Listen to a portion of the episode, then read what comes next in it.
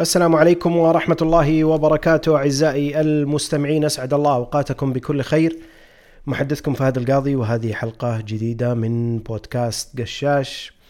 اليوم راح آه، أستعرض معكم النتائج المالية لنادي نيوكاسل يونايتد الإنجليزي اللي أعلنت آه، قبل آه، حوالي أربع أيام أو خمس أيام في يوم 11 يناير واللي تغطي النتائج المالية للموسم أو العام المالي 2022 2023 واللي وصل فيها الفريق إلى المركز الرابع في الدوري الإنجليزي الممتاز وتأهل بناء عليها إلى دوري أبطال أوروبا وخرج من الدور الثالث من كأس الاتحاد الإنجليزي وخسر في نهائي كأس الرابطة الإنجليزية أمام مانشستر يونايتد وبناء عليه حقق المركز آه، الثاني.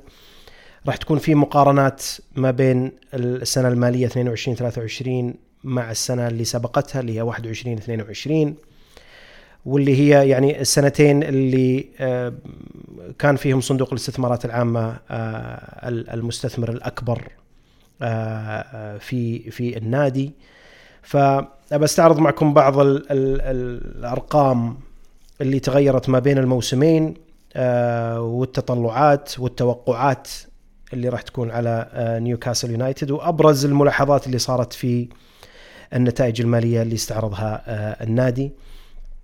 في الموسم الماضي آه، نيوكاسل يونايتد حقق إيرادات وصلت 250 مليون pound مقارنة ب 180 مليون pound للموسم اللي سبقه إحنا نتكلم عن 39% ارتفاع في الإيرادات أو حوالي 70 مليون pound الإيرادات زي ما الأغلب يعرف إنه إيرادات الأندية الرياضية وأندية كرة القدم آه، يعني تتجزأ إلى ثلاث أجزاء رئيسية. ولو أني دائما أنا أقول ثلاثة زائد واحد لكن ثلاثة رئيسية اللي هي إيرادات يوم المباراة والإيرادات التجارية وإيرادات الإعلام أو البث التلفزيوني. فباخذهم واحدة واحدة. إيرادات يوم المباراة صار فيها كذلك ارتفاع بما يقارب 38% من 27 مليون إلى تقريبا 38 مليون.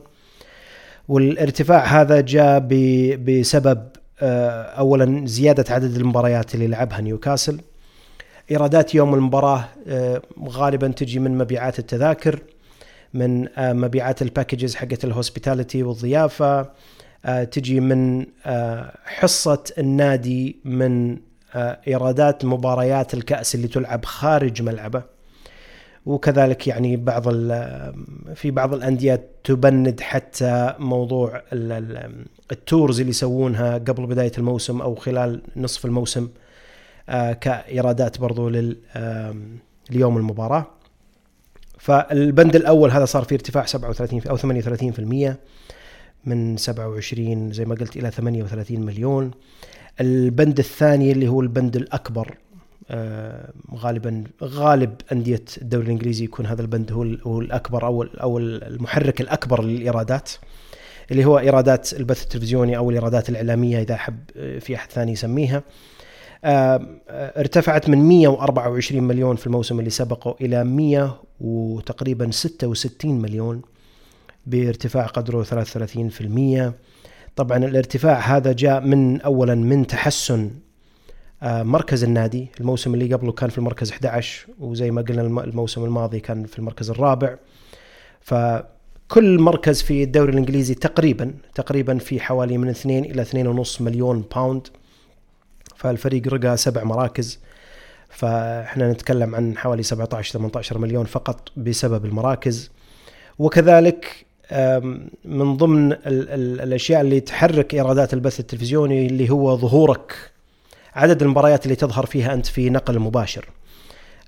هذا بناء على تبويب طبعا للدوري الإنجليزي وتوزيعهم لإيرادات الدوري الإنجليزي من خلال البث التلفزيوني. فالارتفاع هذا جاي بسبب تحسن أداء الفريق ومركز الفريق وبسبب ظهور نيوكاسل في مباريات مباشرة في في بريطانيا آه، أكثر من الموسم آه، اللي سبقه. البند الثالث نتكلم عن الإيرادات التجارية واللي قفزت كذلك من 26 مليون إلى تقريبا 44 مليون بارتفاع قدره تقريبا 66% هذا جاء بسبب عقود الشراكات الجديدة اللي أبرمها النادي وكذلك بسبب مشاركته في كأس الدرعية اللي يقيم في في ديسمبر 2022 قد تكون رسوم وعوائد تجارية من المشاركة وكذلك بسبب إقامة آه، حفلات في آه، في ملعب النادي خلال خلال ذلك الموسم فهذه عوائد تعتبر تجارية فبالعموم آه، الإيرادات تحركت 70% زي ما قلت بقدر 39 عفوا 70 مليون بما يقارب 39% مقارنة بالعام اللي قبله. ما زالت الإيرادات البث التلفزيوني تمثل الجزء الأكبر أو النسبة الأكبر. فخلال الموسم 22 23 آه، مثلت ثلثين إيرادات نيوكاسل 66% وتقريبا هذا رقم مقارب للموسم اللي قبله. أبجي عند موضوع المصاريف واللي هي يعني قد تكون يعني تحتاج شوية يعني نظر وتحتاج شوية تفصيل. آه، أكبر بندين في أي نادي كرة قدم ينظر لهم من ناحية المصاريف اللي هي مصاريف الرواتب أولا وثانيا مصاريف إطفاء رسوم انتقال اللاعبين. إطفاء رسوم انتقال اللاعبين اللي هي إذا أنت شريت لاعب لنفترض ب 20 مليون ووقعت معاه عقد على مدة أربع سنوات ال 20 مليون هذه تقسم على الأربع سنوات فكل سنة تشيل 5 مليون كمصروف إطفاء. فبجي أتكلم عن الرواتب. رواتب نيوكاسل قفزت من 170 مليون pound في الموسم السابق إلى 186 مليون pound بارتفاع تقريبا 10% الارتفاع هذا جاي بسبب ارتباط موضوع الرواتب بالحوافز وال bonuses والمكافآت على حسب أداء الفريق. وزي ما قلنا الفريق وصل إلى المركز الرابع وتأهل كذلك إلى ال Champions League وصل إلى نهائي آه، كأس اتحاد الرابطة. فهذا فعل موضوع البونسز والمكافآت للاعبين. وكذلك بسبب إضافة عدد من اللاعبين وغير اللاعبين اللي يعني لمنظومة الفريق بشكل عام. آه، نيوكاسل خلال الموسم هذا آه، الموسم الماضي نتكلم 22 23 عدد اللي طبعا يسمونها في في التقرير الموظفين والموظفين يعني يندرجون ما بين لاعبين اللي هم playing staff و non-playing staff اللي هم في الإدارات والتشغيل وفي ال business. آه، أضاف نيوكاسل خلال العام حوالي 100 آه، موظف فهذا كذلك ساهم في زيادة آه، مصروف الرواتب. البند الثاني اللي هو إطفاء رسوم الانتقالات هذا قفز بتقريبا 75% من 50 مليون في الموسم اللي سبق إلى حوالي 87 مليون في الموسم الماضي وهذا كله طبعا بسبب استقطابات اللاعبين وبسبب المبالغ اللي دفعت للاعبين كرسوم انتقال واللي بلغت يعني تقريبا حوالي الجميع يتحدث انها حوالي 120 مليون باوند خلال خلال موسم 22 23 نيوكاسل حتى الآن في الموسمين الماضيين ما عنده القدرة الكافية نوعا ما في إنه يحصل مبالغ كأرباح من بيع اللاعبين اللي عنده. قد يكون إنه بعض اللاعبين يعني قيمتهم السوقية ما هي بالشكل الكبير أو ما يكون يعني في جني أرباح يستاهل من من بيع اللاعبين. ف في الموسم 22 23 الأرباح اللي حققها من بيع اللاعبين فقط 3 مليون باوند مقارنة بالموسم اللي قبله حوالي 6 آه، مليون آه، باوند بشكل عام إحنا نتكلم عن قفزة في الإيرادات 70 مليون لكن مع القفزة هذه ما زال النادي يسجل خسائر. الخسائر هذه بلغت آه، تجاوزت 73 مليون مقارنة بالموسم اللي قبله 71 مليون. يعني تقريبا الخسائر هي هي نفس المبلغ بالرغم من ارتفاع الإيرادات بمبلغ 70 مليون. وطبعا آه، ارتفعت المبيعات ب 70 ال 70 هذه تقريبا لو بناخذها بشكل مبسط كأنك استغليت ال 70 هذه اللي زادت فيها ايراداتك وصرفتها ما بين رواتب وما بين انتقالات وإطفاء وهو شيء يعني طبيعي ومتوقع مع الخطة والاستراتيجية اللي قاعد يحاول يسويها نيوكاسل في استقطاب لاعبين أو تشكيل فريق قادر على المنافسة محليا وخارجيا.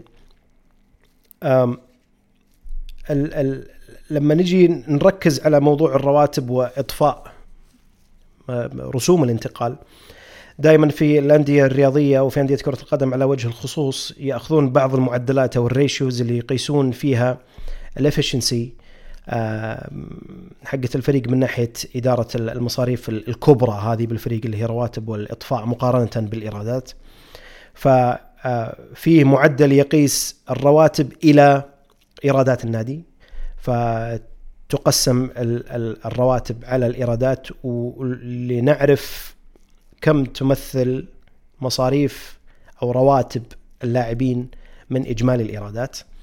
ففي حال نيوكاسل آه، تقريبا 75% من إيراداته خلال موسم 22 23 راحت إلى رواتب للاعبين.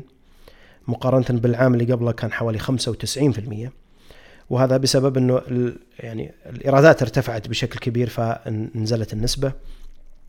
وفي معدل آخر اللي هو يقيس رواتب اللاعبين زائد إطفاء مصاريف انتقال اللاعبين اللي هم يمثلون أكبر مصروفين في أي نادي رياضي. فنيوكاسل آه، صرف 109%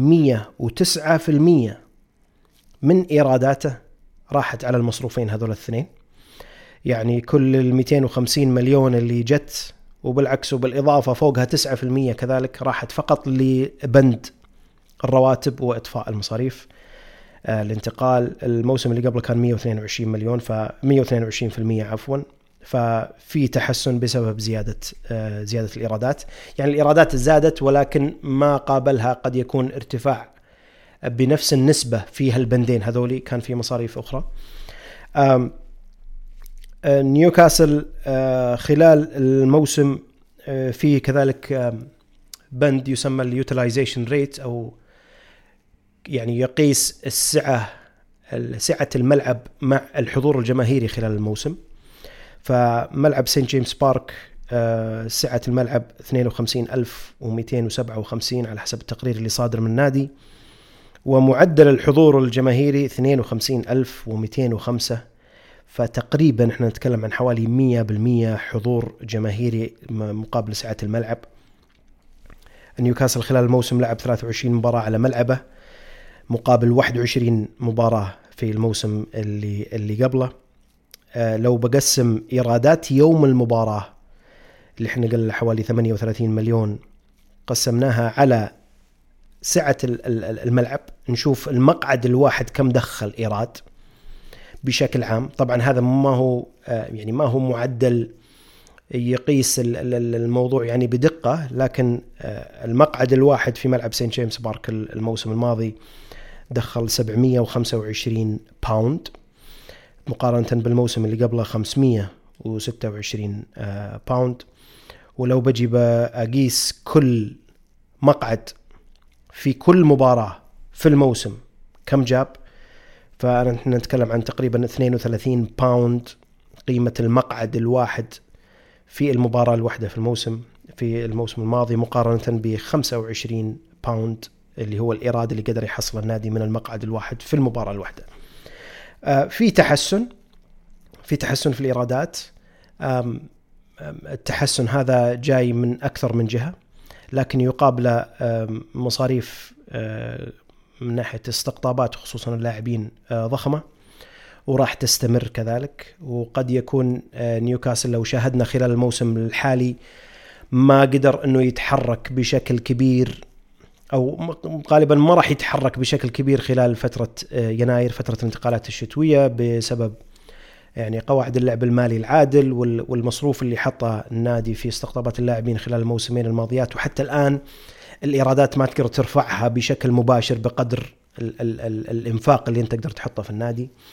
فراح يستمر المصروف وأعتقد المصروف حتى راح يعني راح يزيد خلال الموسم هذا بناء على الاستقطابات اللي تمت في الصيف. الإيرادات.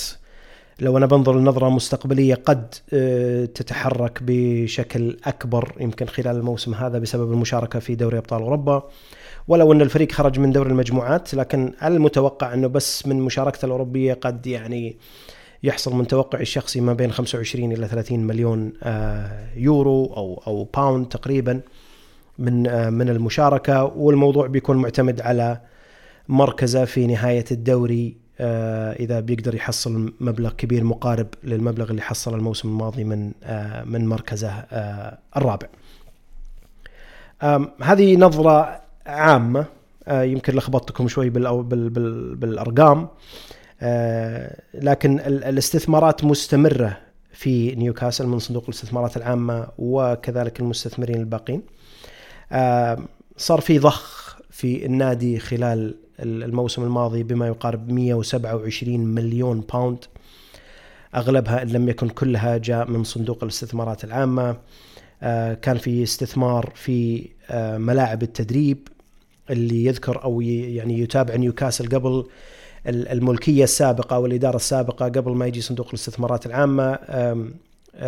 كانت يعني الاستثمارات في البنية التحتية وفي ملاعب التدريب وفي الملعب نفسه كانت قليلة جدا قد تكون معدومة.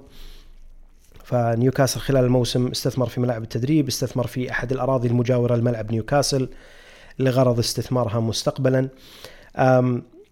التوقعات زي ما قلت للموسم الحالي اللي إحنا فيه أعتقد إنه راح تكون في إيرادات لكن المصروف راح يكون بشكل أكبر. راح نشوف ارتفاع كبير في موضوع الرواتب اللاعبين وفي مصروف إطفاء آه، انتقالات اللاعبين قد ما يعني يواجهها ارتفاع مماثل في موضوع الإيرادات.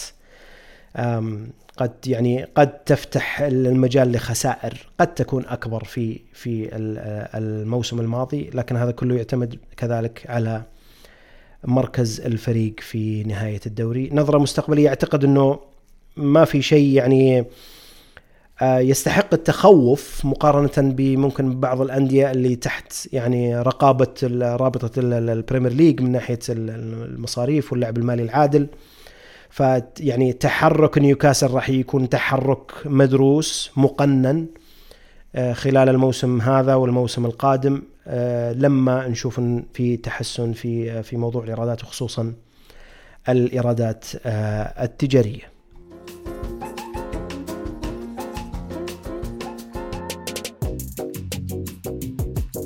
آه، ختاما شكر موصول لكم جميعا آه، أعزائي المستمعين على متابعتكم للحلقة إن كان عجبكم محتوى قشاش فارجو منكم التكرم بمتابعة وتقييم البودكاست على منصات Apple Podcast و Google Podcast و Spotify متابعه حساب قشاش على منصة إكس قشاش Network تقبلوا تحياتي جميعا دمتم في رعاية الله والسلام عليكم ورحمة الله وبركاته.